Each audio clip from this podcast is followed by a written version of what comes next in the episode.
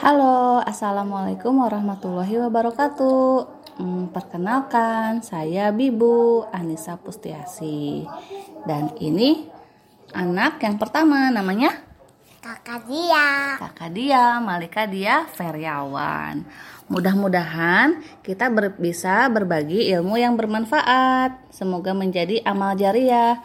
Better late than never ya. Jadi ceritanya eh, proyek ini mau dibikin dari kemarin-kemarin sejak musim pandemi, tapi karena satu dan lain hal baru bisa sekarang. Nah, Nah, kali ini Bibu duluan yang mau sharing. Bibu mau sharing tentang eh, pengalaman kakak dia sekolah TK. Jadi, sebisa mungkin kita memaksimalkan Ternyata penting banget mengoptimalkan masa belajar di TK atau pendidikan anak usia dini. Itu sebagai eh, betul-betul sebagai pondasi untuk belajar kelak di sekolah dasar.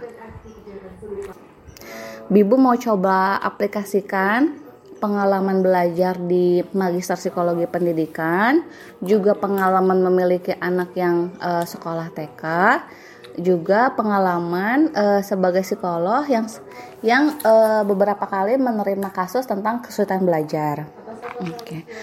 Pengalaman praktek sebagai psikolog, psikolog pendidikan itu menyadarkan Bibu bahwa ternyata kesulitan belajar itu nyata nyata adanya banyak anak-anak di sekolah yang dikeluhkan datang untuk ke psikolog karena mereka tidak bisa memenuhi tuntutan akademik, tuntutan minimal akademik.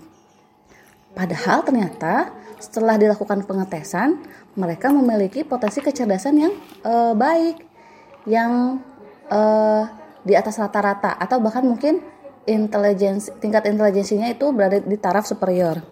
Tapi eh, pada kenyataannya di sekolah pada hasil belajarnya mereka tidak bisa menampilkan uh, kecerdasannya itu, kemampuan belajarnya itu.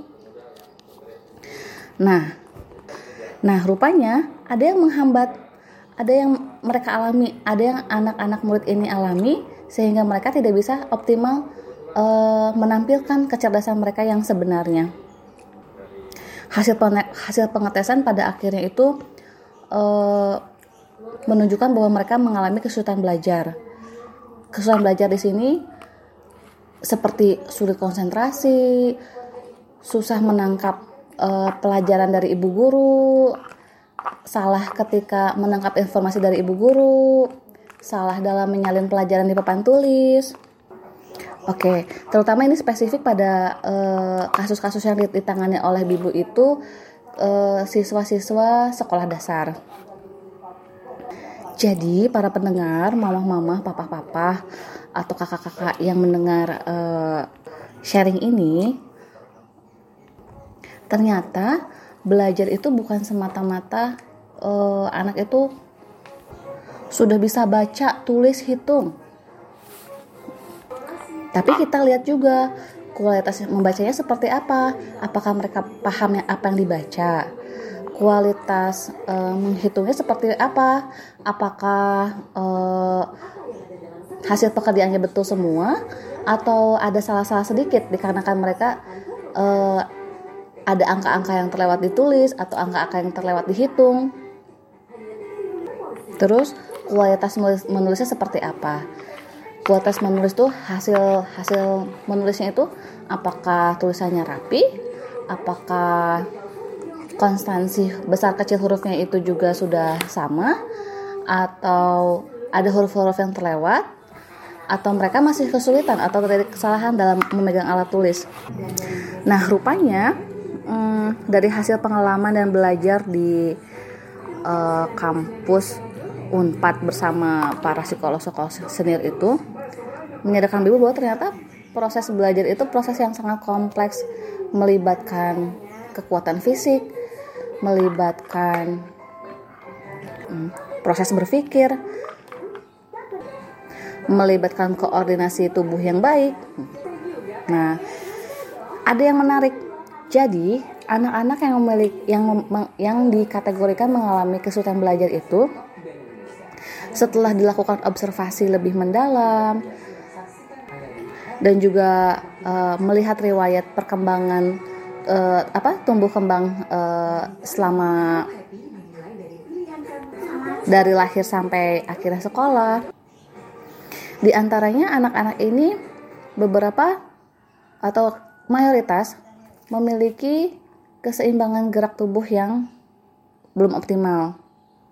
Kemudian kemampuan koordinasi eh, apa ko koordinasi tubuh bagian kiri dan kanan yang belum optimal juga. Kemudian koordinasi mata dengan motorik tang apa motorik juga belum optimal. Pada akhirnya kekurang optimalan dalam kemampuan perkembangan motorik ininya lah yang menjadi penyebab mereka uh, pada akhirnya kesulitan untuk kesulitan untuk duduk dalam waktu lama dengan tenang dan nyaman saat memperoleh pelajaran di sekolah.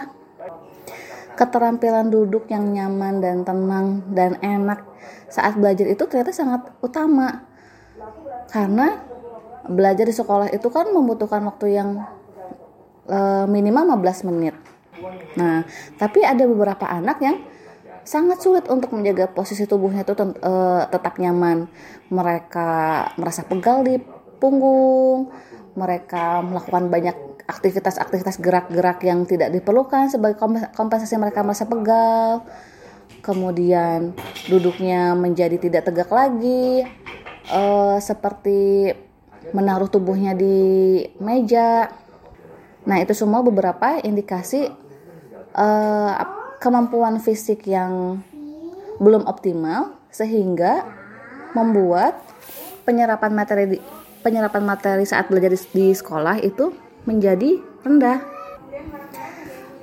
Hmm, sesuai dari teorinya Valet bahwa ternyata perkembangan motorik kasar itu menempati uh, urutan pertama yang harus dikuasai oleh anak sebagai dasar untuk belajar. Uh, pada prakteknya kita bisa lihat sendiri ternyata untuk bisa untuk belajar menyerap semua ilmu dari awal sampai akhir pelajaran itu sangat-sangat-sangat dibutuhkan kekuatan fisik yang optimal.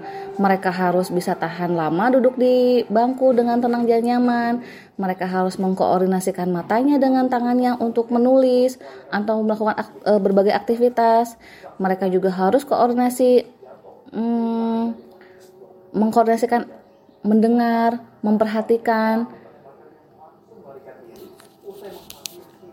Nah, oleh karena itu, jadi yang paling utama untuk diperhatikan adalah bukan siswa itu harus mahir membaca, menulis, menghitung sebagai langkah awal dalam belajar, tapi yang harus diperhatikan apakah mereka sudah uh, berkembang kemampuan motoriknya secara optimal.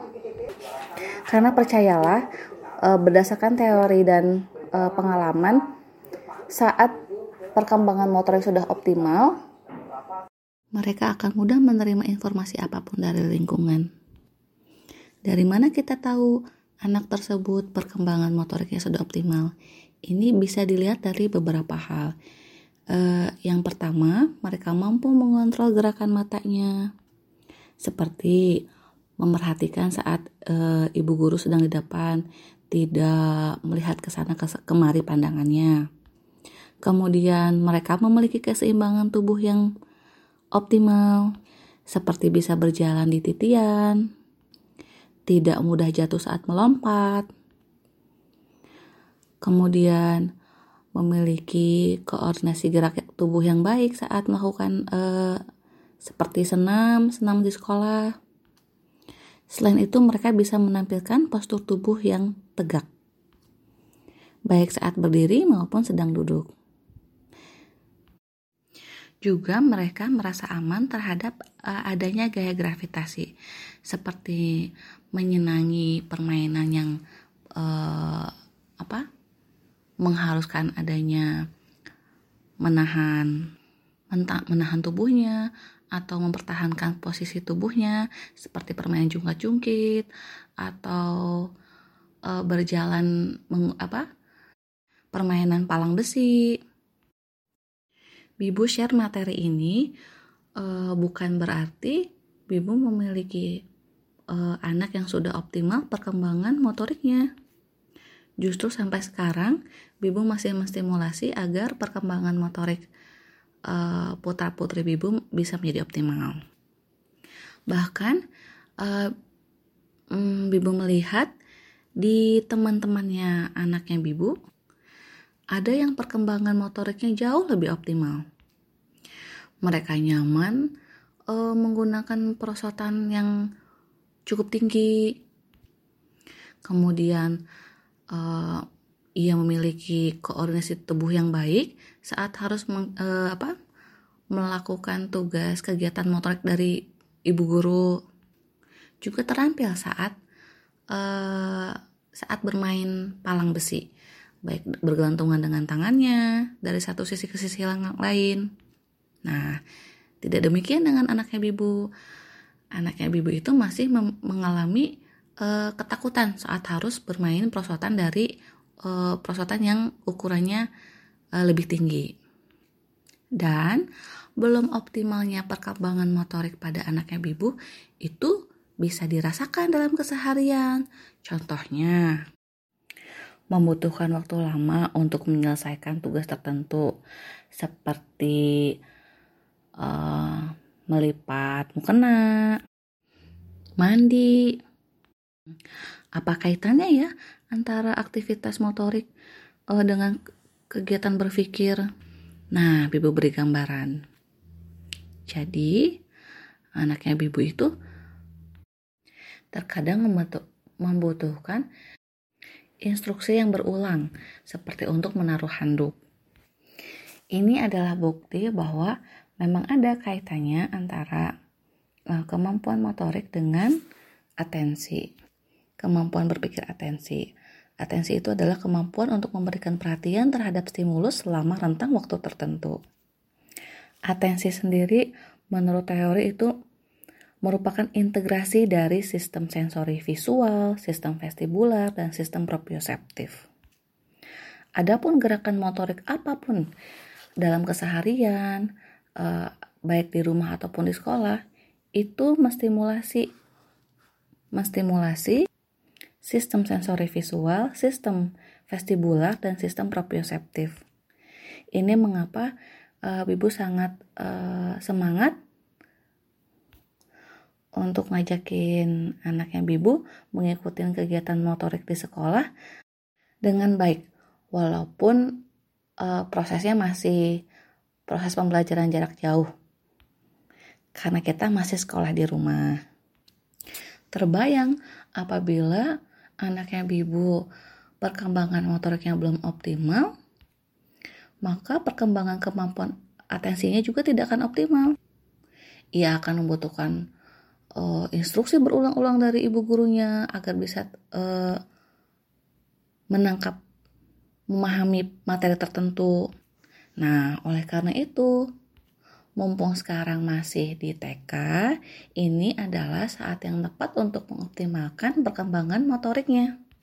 Motorik kasar dan motorik halus. Karena pendidikan anak usia dini, pendidikan e, di TK itu masih memungkinkan untuk anak me, anak untuk melakukan kegiatan motorik, motorik kasar dan motorik halus. Setiap hari pasti ada kegiatan motorik kasar yang harus diikuti oleh anak. Kegiatan motorik inilah yang tidak e, didapatkan saat kita harus eh saat anak udah beranjak ke SD. Tuntutannya sudah berbeda. E, anak us, e, anak sekolah anak usia sekolah dasar sudah dituntut untuk memiliki kemampuan atensi dengan durasi yang lebih lama karena materi pelajarannya juga bobotnya sudah berbeda dibandingkan di TK. Jadi untuk usia sekolah uh, untuk usia sekolah TK tidak ada istilahnya terlambat anak yang terlambat karena memang usia TK masih usianya stimulasi. Jadi mari kita manfaatkan uh, sekolah di TK untuk mengoptimalkan perkembangan motorik anak.